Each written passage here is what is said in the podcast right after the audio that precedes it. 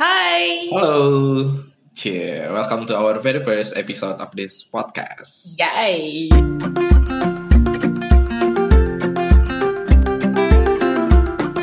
Kan ini pertama kalinya ya, jadi kita kenalan dulu kali biar lebih akrab. Asik. Eh, nama gue Lutfi. Di sini gue ditemenin oleh teman gue. Aduh, ditemani oleh teman gue. Gue Karina. Gimana nih Kar? Di episode pertama ini kira-kira kita akan membawa tema apa ya? Yang mungkin biar lebih akrab di telinga pendengar kali. Apa ya? Kayaknya bahas-bahas yang basic. Oke, yang basic yang emang utamanya diomongin sama seusia kita gitu gak sih? Love gak sih? Love kali ya. Oke. Hal yang lagi gue stressin. Oh baik, baik, Sorry agak curhat nih. Eh, mungkin di episode pertama kita kita akan bahas tentang love. Jadi seperti biasalah kalau di usia-usia kritikal kayak kita kali ya, hal-hal yang bersifat cinta-cintaan itu kadang kita malu sih ngomonginnya. Tapi sebenarnya itu kita juga butuh. Setuju sih gue. Ya, nah di kali ini kita akan membahas tentang cinta. agak aneh loh, mukanya, Agak aneh. mukanya agak aneh ngomong cinta. Oke. Emang kenapa sih, Kar, kalau boleh lo ceritain, kenapa cinta di usia kita itu menjadi sesuatu hal yang kritikal? Gue gak tahu ya, mungkin karena usia ya mungkin beberapa orang tuh punya target nikah ya. Maksudnya kayak Hmm. tuh target nikahnya mungkin di 25. Personally gue 25 dan sekarang gue Oh. udah mendekati umur itu. Oh, wow. berapa tahun lagi kira-kira? Besok. Besok. Siap. Nah, kalau misal misalnya dari pengalaman gue sih kayak nyokap bokap gue udah nanyain. Itu gue Hmm. stres sih ketika gue harus memenuhi love tersebut. Ke- Tapi gue belum punya nih pasangannya. Oh, bener-bener iya gue nggak gue cuma pusing dari uh, sepupu atau tata-tata gue tapi bahkan orang tua gue juga udah mulai neror gue makanya menurut gue ketika lo emang udah punya target dan itu usia kritikal yang tadi lo bilang itu penting banget sih buat menuhin si love itu Oke.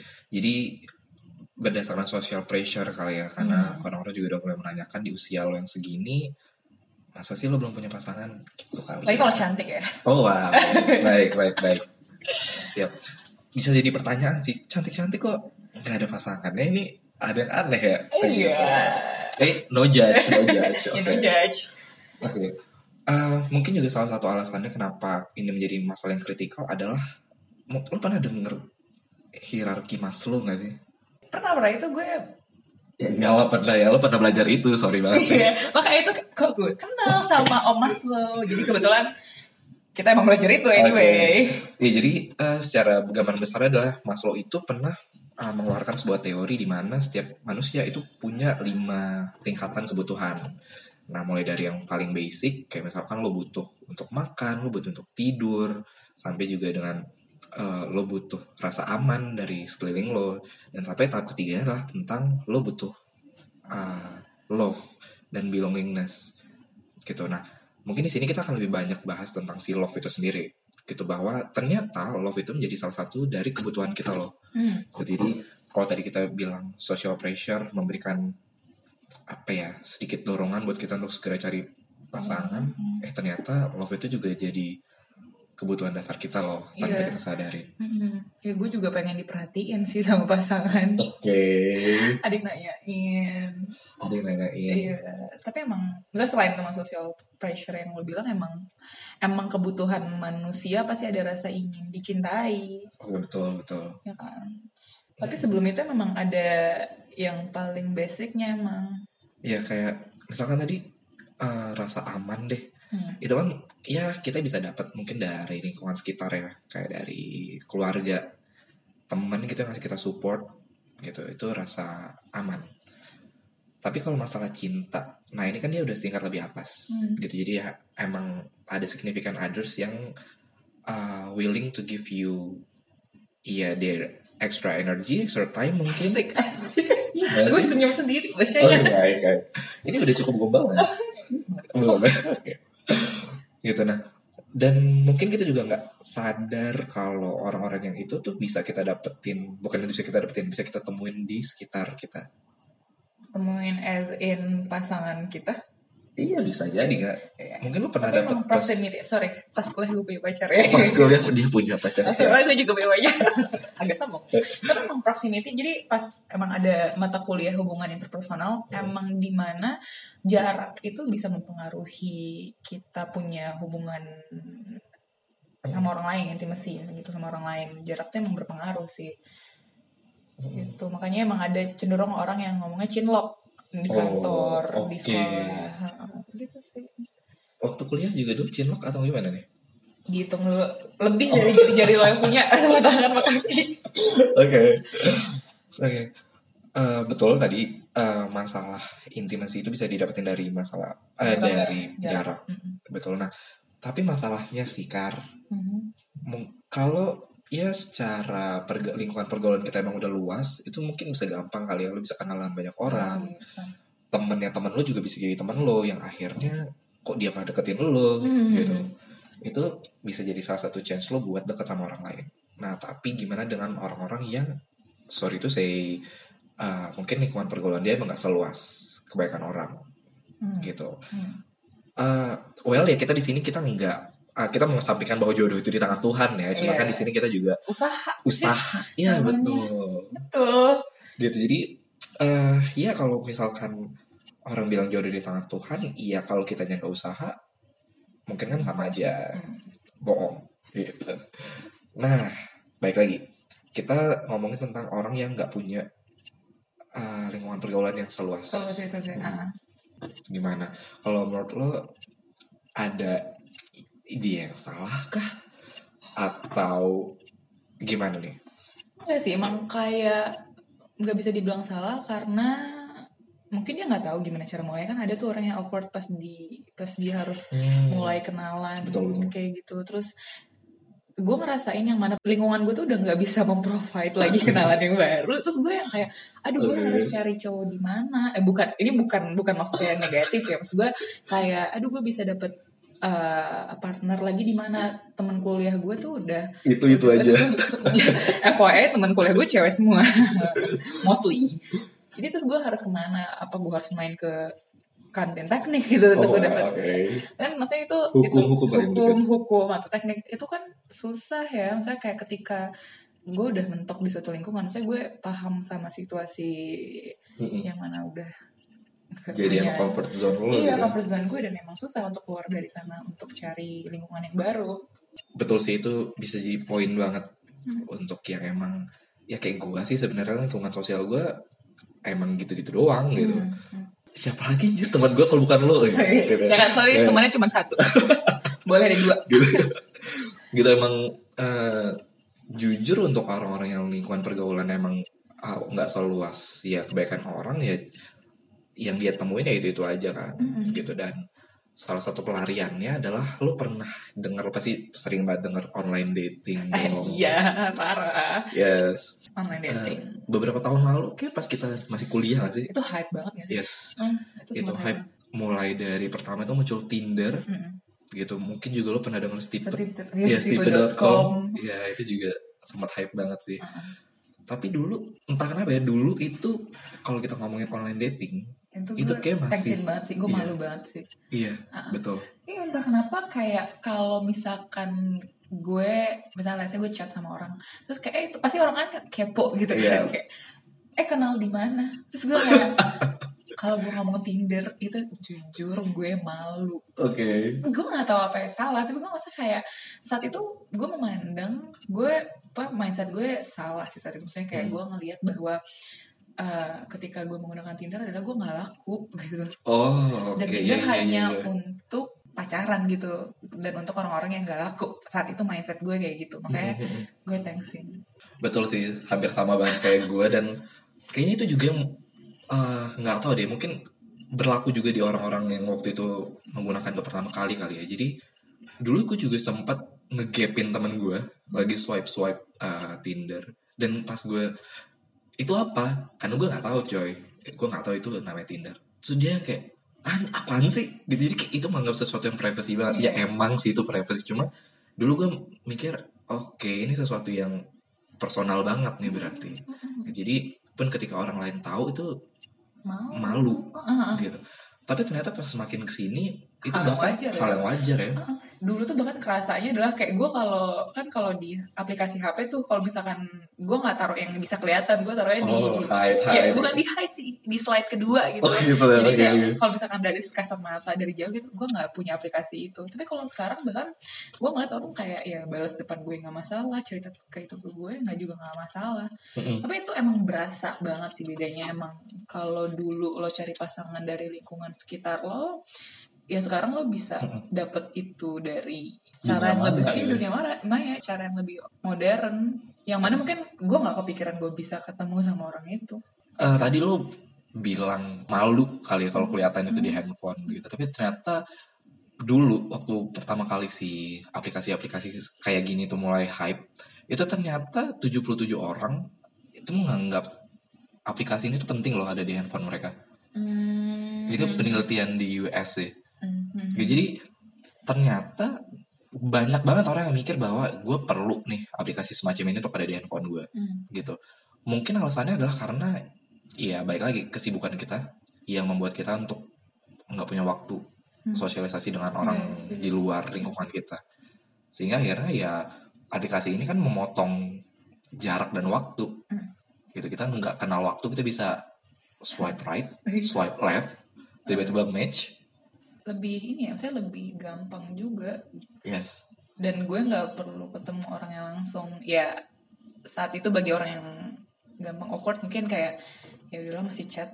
Masih jadi masih chat jadi tapi menurut gue saat itu tuh pandangan gue terhadap diri gue bisa saya bisa ngaruh banget sih. Maksudnya saat itu self image gue tuh rendah. Oke. Maksud gue kayak ketika orang tuh ketika gue insecure bahwa foto gue tuh nggak mirip sama foto gue yang Hmm. Oh, gue pajang di, Iya iya betul betul. lo sempet ngerasain kayak gitu nggak apa Iya. apa gue doang ya apa karena gue Eh dulu waktu gue pertama, ya jujur gue juga pakai guys gitu ya.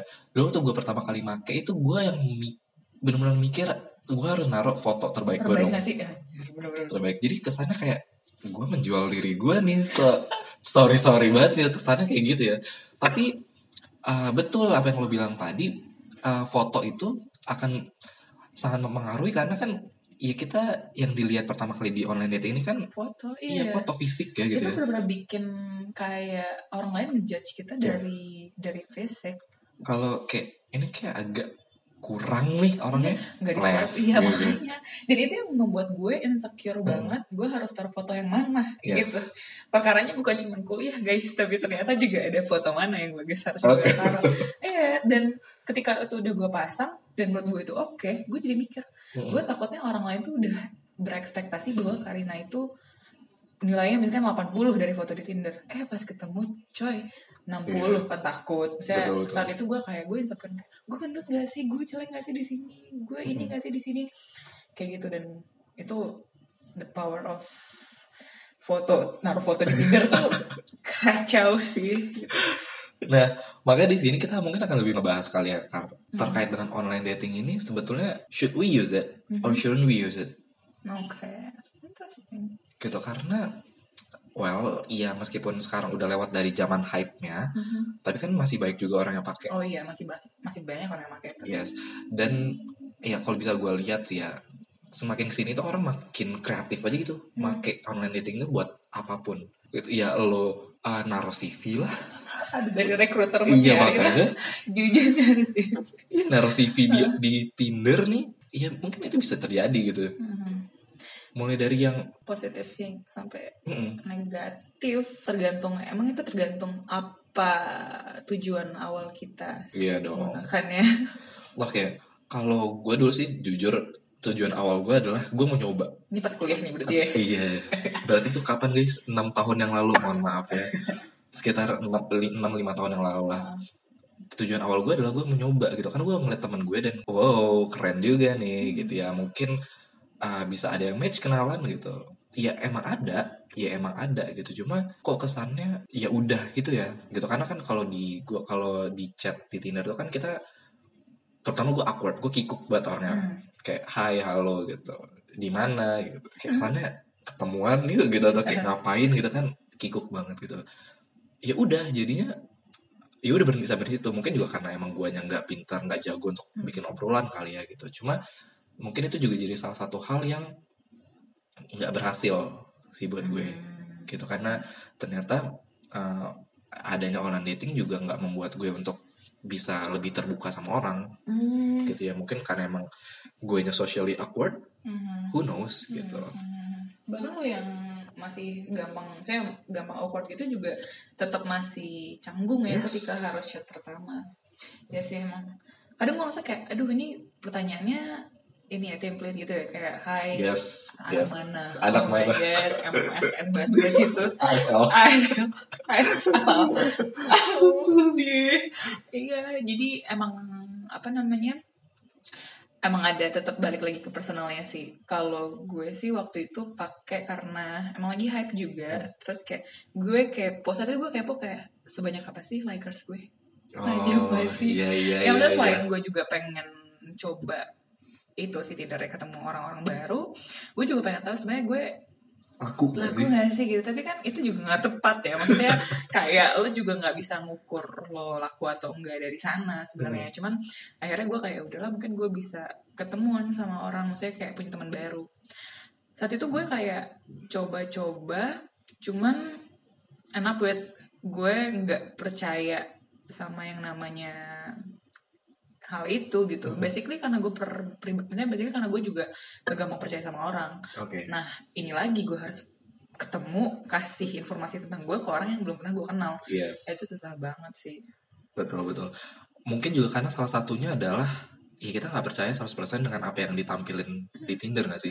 Bisa aja itu foto fake. Iya, apalagi saat maksudnya saat itu tuh sempat saya juga ada berita kayak orang diajak kenalan melalui Facebook, terus dibawa kabur, Hmm, terus maksudnya hal yang enggak enggak terjadi gitu Yes. kan. Terus maksudnya itu juga kadang-kadang pop up di otak gue kayak aduh bentar tiba-tiba gue hilang. Betul betul. Oh, dulu tuh segitunya. Kan gue juga ini sih yang apa namanya eh, terjadi juga sih maksudnya gue juga coba buka eh, coba untuk buka-bukaan kayak ketika eh, kita match sama orang gue match sama orang kemudian kita ngobrol gitu kan ada satu momen di mana dia nanya gitu ini lo beneran gak sih Hmm. eh, profile picture-nya ganteng banget tuh kak kayaknya Waduh, sorry banget deh. Ternyata gue laku ya. Cuma sekali guys. enggak, enggak, enggak. Eh, dia nanya gitu, ini beneran beneran gak sih fotonya? Gitu. Kemudian, ya gue dengan bingungnya jawab, ya, ya ini beneran gue gitu. Sampai akhirnya dia minta untuk uh, let's try to video call. Oke. Gitu.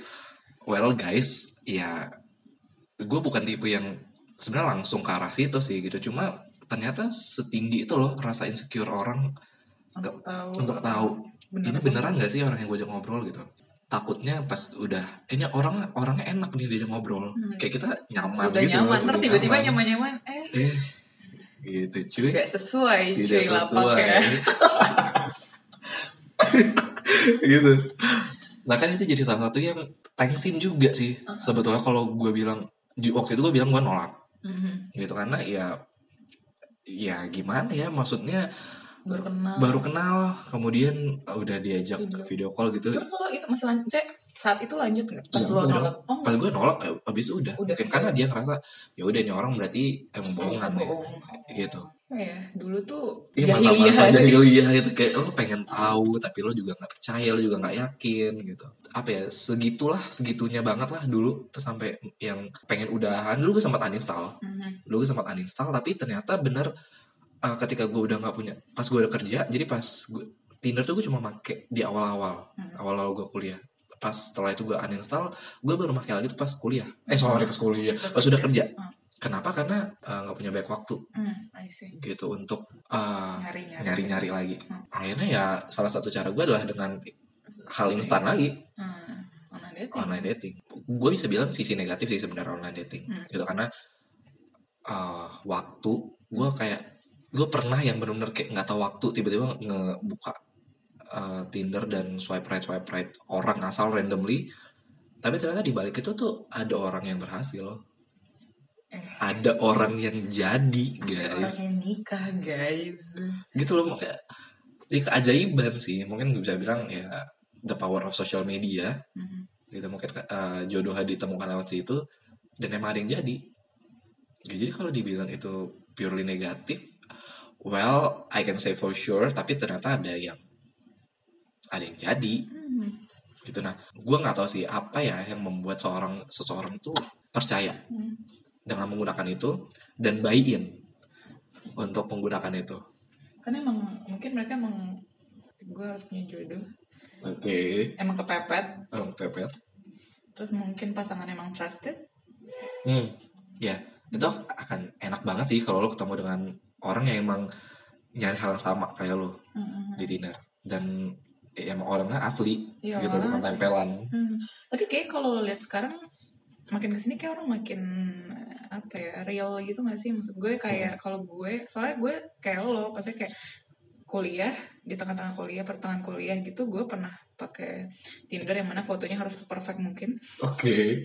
Dan akhirnya laku. dan akhirnya laku dan kemudian tidak laku kembali terus pas kerja gue sempat yang kayak agak apa agak stres gitu bukan stres lebay sih. Maksudnya kayak agak anjir kenapa sih gue nggak punya pasangan? gitu di lingkungan kantor gue kebetulan bapak-bapak semua gitu. Terus gue kayak Oke mungkin gue harus saat nih saat nih nih saat, nih aplikasi gue harus eh, HP gue harus download sebuah aplikasi Iya. yang dinamakan Tinder. Gue download. Saat itu gue kayak nggak pusing mikirin foto. Gue bener-bener kayak ya udah foto gue biasanya aja gue yang biasa aja gitu. Hmm. Mungkin pas basa-basi gue agak kayak aduh gue capek harus melatih fase hai kerja di mana gitu-gitu. Terus gue harus ngasih kontak gue lagi kayak kenalan lagi Hmm. ya tapi itu harus harus gue lakuin juga kan gitu. Jadi kayak hmm, ya udah jadi makin makin sini makin real gitu rasanya. Jadi ketika lo menggunakan Tinder gitu mungkin ya lo harus Smart user smart ya. user emang harus lo pilih-pilih gitu pengalaman dikit nih gue tuh Hmm. pernah waktu itu gue dinas keluar kota Oke.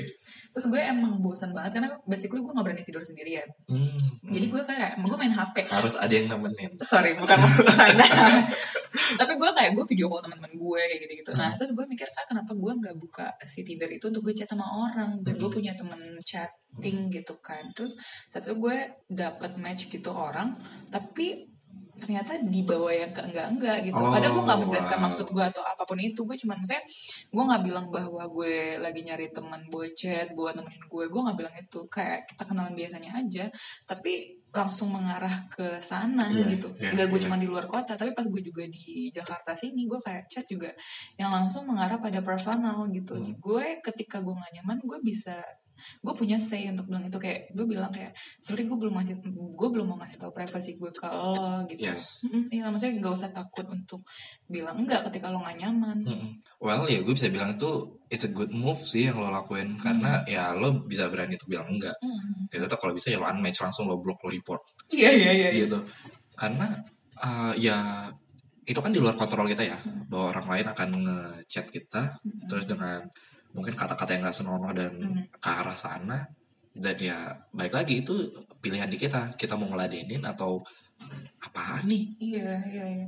Karena ya kita kan nggak bisa menebak motif seseorang ya ketika dia pakai uh, online dating kayak gini. Gitu bisa aja karena ya mungkin dia desperate kayak kita yang nyari kayak kita guys. Kayak gitu atau mungkin kayak teman-teman yang denger yang lagi ketawa. Gitu. Yang uh, mungkin yang lagi emang desperate nyari gitu. Atau emang ya yang iseng. Hmm, gitu iya, iseng yang emang cuma kayak ada nggak yang mau diajak have fun? Iya iya. Oh itu bahaya. Itu dan emang mesti hati-hati. Maksudnya hati-hatinya jangan sampai jadi apa ya jangan jadi parno juga. Parno, ya. Nah, tahu aja ketika udah dijelasin ya udah sama sikapnya ke kita juga harus diperhatiin. Gue punya temen kantor gue itu bilang gitu kayak jadi gue kebetulan sempat match sama temannya oh ya terus pas udah kenalan gitu Gila, gue gila, gue gila. kasih tahu kalau gue kerja di mana Heeh. gue nyesel sih Oh. karena yang orang kenalan gue itu cerita ke teman kantor gue Oh. bahwa dia kenalan sama gue melalui Tinder saat itu gue kayak aduh malu gue terus iya gitu iya kan, iya Waktu gue lagi ngobrol gue berdua sama teman gue tuh cowok teman kantor gue cowok dia ngomong gini eh lo gimana sama ini tanya, ah dia siapa Heeh. FYI gue nggak sampai chat ke line atau WA gitu gue cuma chat di sana Heeh. karena gue juga ngelanjutin terus kayak ah, aduh. Oh iya iya temen lo eh temen lo ya? Iya gitu. Kok kalau kok lo nggak lanjut sama dia? Terus gue jelasin lah karena gue nggak mau begitu cepet cepet dia ngajak gue untuk apa kenalan lebih jauh Hmm. gitu. Terus gue kayak terus dia nanya kenapa?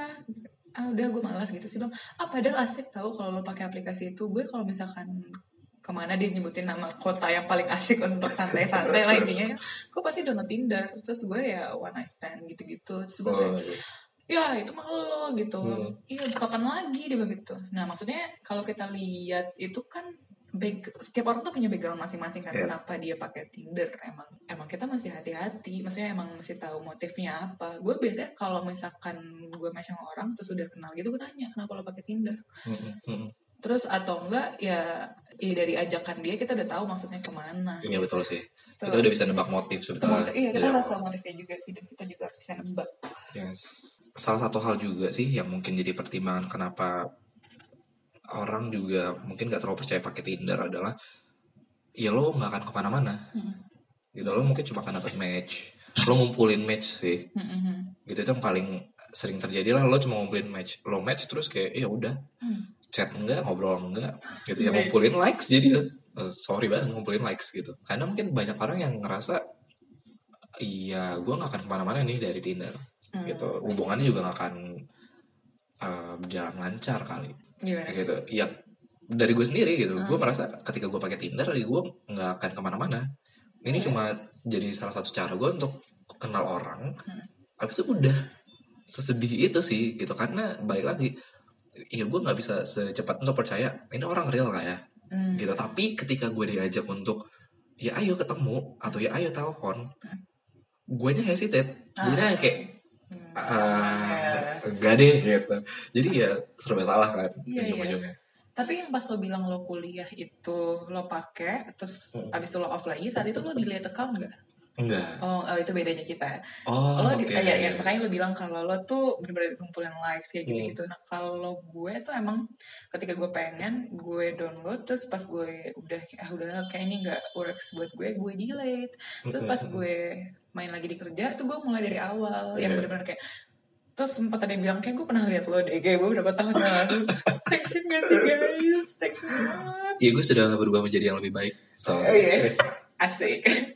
Eh jadi gue gak textin sih kayak oh gue baru tahu kalau misalkan gue gak harus delete tapi gue saat itu kan kuliah gue gak malu tuh kalau muka gue kelihatan lagi Iya, muncul-muncul iya, di sosmed orang live orang gitu kan. Jadi kayak Iya sih kocak sih kalau diingat-ingat ya kayak lo kalau munculin punya orang terus dia di- dia screenshot dan kirim ke lo cuy. Terus atau dia dia gosipin sama temennya? Iya. Dengan PD-nya dia nge-share itu dia ngirimin foto. Lo ngapain di Tinder kan tuh thanksin banget sorry banget nih jujur. Iya makanya kayak pasti abis itu gue langsung mikir pasti saat itu mikirnya kayak ini satu udah nemuin gue akan ada ribuan Iya. umat yang nemuin gue mungkin kalau dia kenal sama gue.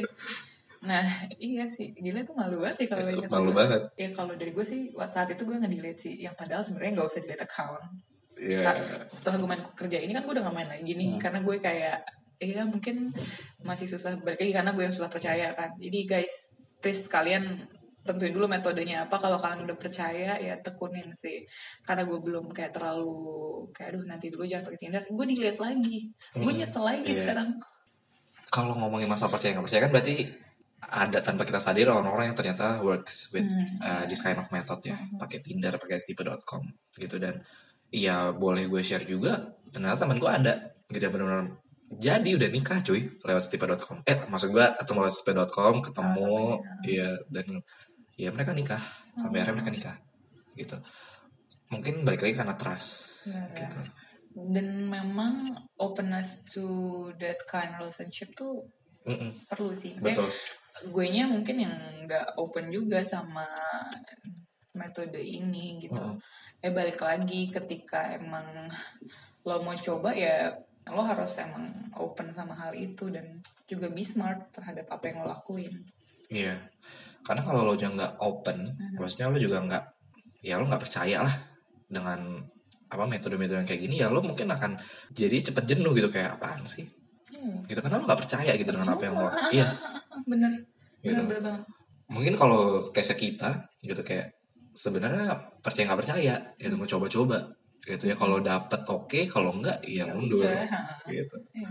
Tapi dalam hati sebenarnya ya Allah dapet ya Allah match kali aja gue percaya macam sekali yang sekarang ini ada ya Allah Bener. ya kayaknya yang kanan ini bisa. Itu yang kayak ya kayaknya dua kali lagi deh dua kali lagi. Iya. guys gue pernah di fase yang mana orangnya abis untuk di swipe sama atau di fase yang mana gue udah nggak bisa nge-swipe lagi karena gue udah kelew apa udah mencapai batas maksimum nge-swipe. Lo bayangin. Gimana marahnya saat itu? Berarti anda nggak pakai yang premium ya? Sorry gratis balik lagi karena nggak niat Nggak niat. Oke. atau tuh lo pakai premium Enggak, malah kepikiran deh. Gitu. Tapi katanya kalau lo pakai yang premium atau yang berbayar lo bisa ngeliat siapa yang like lo deh. gue Iya. yeah. sekarang eh, gitu. Mungkin kita bisa share kali ya. Meskipun kita uh, disclaimer, meskipun kita nggak berhasil. Kalau Belum, gue nggak berhasil. Belum. Iya belum betul. masih berharap Kata yang paling tepat. Kita belum berhasil. Kita belum berhasil. Dan masih tetap berharap. Mhm. Mungkin kita bisa share satu dua apa ya tips. Bukan tips. Based on our experience Based on our experience. yes Yang pertama, be open to this kind of relationship. yes Baik lagi guys, kalau lo mau menjalin sebuah hubungan, ya lo harus bisa terbuka. Nggak hanya ke orang lain, tapi juga ke diri lo sendiri. Apakah, kalau dari orang lain kan ya lo mau menerima uh, informasi dari dia, Hmm. Lo mau cari tahu tentang dia. Kalau dari diri lo sendiri ya, openness-nya adalah seberapa yakin lo untuk mulai menjalani menjalani hubungan. Mhm. Gitu. Karena kan ketika lo menjalani hubungan ini gak cuma tentang diri lo, Yes. tapi juga tentang orang lain gitu. Lo harus open sama lo nya harus open sama diri lo dan lo harus open sama kedatangan orang lain. Yep. Mungkin kalau berkaca sama pengalaman gue ya, gue nggak siap ya nggak akan dapet dapet guys. Makanya contohnya jangan kayak gue, Jangan kayak Karina. di open. Oke, emang cara yang kalau untuk siap tuh kayak gimana kan? Ah gimana? Kok gue Pasang foto bayi kali ya. Pas foto kayak guys ini tandanya gue udah siap. Buah anak. aku. Buai aku, tapi nikahi aku sebelumnya. Oke. Yang kedua, be smart, Smart. user pasti. Smart user. Baik lagi, eh, kita nggak tahu motif orang menggunakan Tinder tuh apa, online dating tuh apa, ya macam-macam. Tapi ketika lo udah mulai percakapan dengan seseorang, ya lo juga harus smart gitu. Lo harus sudah bisa menebak ini tuh motifnya apa ya. Iya bener sih harus kayak lu jangan langsung percaya sama Yes. yang apa yang dia omongin. Emang lo harus telusuri kalau orang tuh siapa. Kalau dulu tuh kayak lo harus lihat Instagramnya gak sih? Iya. Lihat Instagramnya kan. Yes. Kayak lo harus ada riset sih kalau menurut gue. Ya Hmm. riset kecil-kecilan lah. Lihat dari Instagram, cari di Google gitu-gitu. Ya mungkin ada niat lain pengen lihat mukanya mungkin Iya. lebih jelas. Tapi lebih dalam lagi sih personally gue pengen lihat kehidupannya seperti apa ada nggak sih mutual friends gue sama, sama dia gitu kalau di Instagram kan kadang ya apa yang dia post itu bisa mencerminkan gimana dirinya saat itu gue lihat. Kalau misalkan ya nggak jelas gitu dari isi Instagramnya ya gue juga takut gitu untuk kenal. Kan ada yang isi Instagramnya bagus fit, fit Instagram. Saat Iya, itu kan iya, juga yang kayak iya. keren-keren gitu kan yang kayak anjir cool gitu kan. Nah itu kan sebenarnya bisa dilihat dari sana. Atau Google misalkan. Kan kadang ada tuh keluar misalkan Karina dari universitas mana. Kalau kalau lo ketik nama gue mungkin ada banyak mungkin. Tapi kan pasti ada yang keluar. Gue sempat ngasih informasi misalkan gue kuliah di jurusan psikologi misalnya gitu Karina Amalia psikologi universitas mana gitu pasti ada namanya Hmm. gitu maksud gue jangan lo yang terima mentah-mentah dari dia terus lo ya udah percaya gitu lo Yes. harus be smart untuk bisa mm, menganalisis itu Nah, berarti ini juga masuk ke tips kita yang ketiga ya, langsung. Mm-mm. Yaitu nggak mudah percaya. tapi jangan jadi Parno. Parno Yes, Nah, iya gitu. Kenapa jangan mudah percaya? Ya baik lagi gitu. Eh, bisa aja misalkan ketika orang tuh ngechat lo, Hmm. Hai cantik deh fotonya. gue iya, iya, terus lo langsung kayak iya makasih terus pakai emot smiley. Kalau gue di, di keadaan kayak gitu gue akan terganggu sih, Hmm. gitu karena thank you nih komplimennya, gitu. Cuma mungkin nggak langsung lo nembak gue dengan bilang fisik gue bagus, gitu karena ya gue cari nggak fisik juga kok, iya gitu. Atau ketika dia bilang Hai cantik deh fotonya, gitu. I- Ya mungkin dia ada niat tujuan lo ternyata nge ngemuji gue gitu loh, untuk menjebak gue, Hmm. gitu untuk melakukan sesuatu yang aneh-aneh Hmm. gitu. Itu bisa mungkin terjadi gitu. Dan yang keempat adalah apa tuh? Iya. Ah, iya, silakan. Menurut gue yang penting lo siap sih. Yes Lo itu siap, dia yang keempat. siap. Yang keempat adalah lo harus siap dengan well ya dengan apa yang akan lo jalani di di Tinder ini gitu Iya, karena ketika lo mendownload aplikasi tersebut lo masukin foto lo profile lo, berarti tandanya lo siap untuk kenalan sama orang, Mm-mm. menjalin nantinya kalau lo ketemu lo menjalin hubungan sama orang lain gitu. yes Karena betul. gue punya pengalaman temen gue yang mana dianya sendiri tuh nggak punya, misalnya download ya udah download aja ya untuk melihat bahwa gue laku atau enggak tapi pasangan yang dia match itu adalah orang yang pengen banget menjalin hubungan serius Oh, wow, wah, Jadi, kalau kayak sayang banget sayang sih. banget. Jadi maksudnya saat itu tujuan lo apa emang harus lo ungkapin sih? Ketika lo pakai aplikasi ya aplikasi ini emang orang pacaran emang kebanyakan. Tapi ya pasti ujung-ujungnya adalah nikah gitu. Kalau Yes, memang yes. lo belum siap menjalin hubungan yang nantinya ujungnya adalah pernikahan menurut gue ya lo harus kasih tahu itu di awal bahwa gue emang cuma mau apa gitu. Dan kalau emang lo Betul. mau nikah lo juga harus siap gitu. Yes. Nomor empatnya paling berat guys.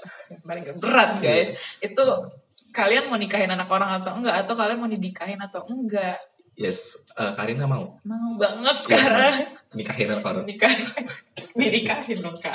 Nikahin tapi kasihan sih gue punya teman yang maksudnya yang jadinya nggak Oh. jadi gitu. Kayak sama-sama punya ekspektasi kan itu harus di manage sih Ya, ya.